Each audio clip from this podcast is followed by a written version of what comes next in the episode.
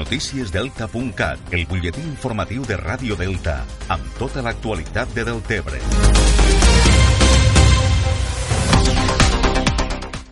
Dos dones de Camarles i una veïna de Deltebre han estat les tres primeres persones en abonar-se al centre esportiu del Delta que va reobrir portes ahir dilluns al matí després de quatre anys i mig tancat.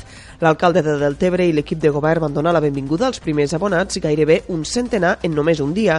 El regidor de promoció esportiva, Robert Bertomeu, explicava ahir que molta gent acudia a informar-se de preus i horaris i va destacar la gran afluència de gent de poblacions veïnes.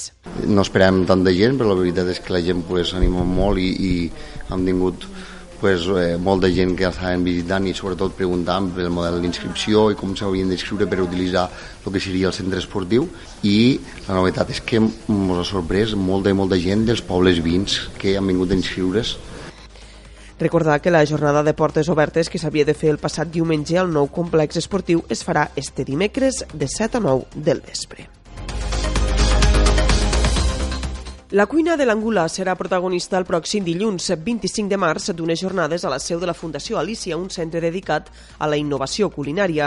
La jornada està adreçada als professionals de cuina i restauració d'arreu de Catalunya amb l'objectiu de donar a conèixer les qualitats organolèptiques especials d'este producte gastronòmic excepcional del Delta de l'Ebre. Estes jornades dedicades a l'Angula estan promogudes per l'Ajuntament de Sant Jaume d'Enveja, que des de fa uns anys ha posat en marxa un projecte de desenvolupament local de l'Angula. La jornada inclou també una demostració de cuina en directe a càrrec del xef estrella Michelin, Fran López.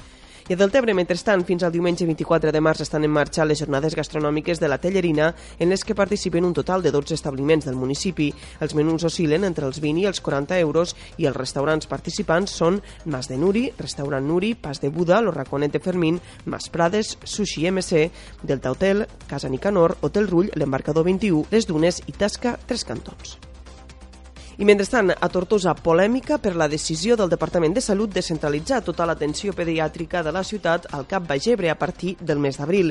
Este reagrupament del servei de pediatria comportarà que algunes de les especialitats que ara estaven ubicades a l'ambulatori de Ferreries es traslladen fins al Cap de Roquetes. Es tracta de les especialitats d'anestèsia, digestiu, oftalmologia i la clínica del dolor. L'Ajuntament de Tortosa ha expressat el seu profund malestar per esta decisió del Departament de Salut. La directora dels serveis territorials, Mar Lleixà ha insistit que es tracta d'una decisió temporal i que es fa per necessitat davant la manca de pediatres. Si no concentréssim aquests professionals no podríem donar aquesta atenció i per això ho fem. Eh, si tinc, I també, si disposéssim de suficients professionals, això no es faria. Si es fa, eh, és perquè és una necessitat Salut s'ha compromès a retornar les especialitats al Cap Bagebre quan estiga en marxa el nou edifici administratiu annex a la gerència de l'Hospital Verge de la Cinta, el que permetria alliberar nous espais a l'ambulatori de Ferreries. Més qüestions. La Junta de Govern de la Comunitat de Regants Sindicat Agrícola de l'Ebre ha convocat Junta General per al pròxim 30 de març a les 8 i mitja del matí a la seu de la Comunitat de Deltebre. Entre els temes a tractar destaca la liquidació de comptes del 2018 i també s'informarà de la solta d'aigües de cara a la pròxima campanya de l'arròs, entre d'altres informacions d'interès per als regants.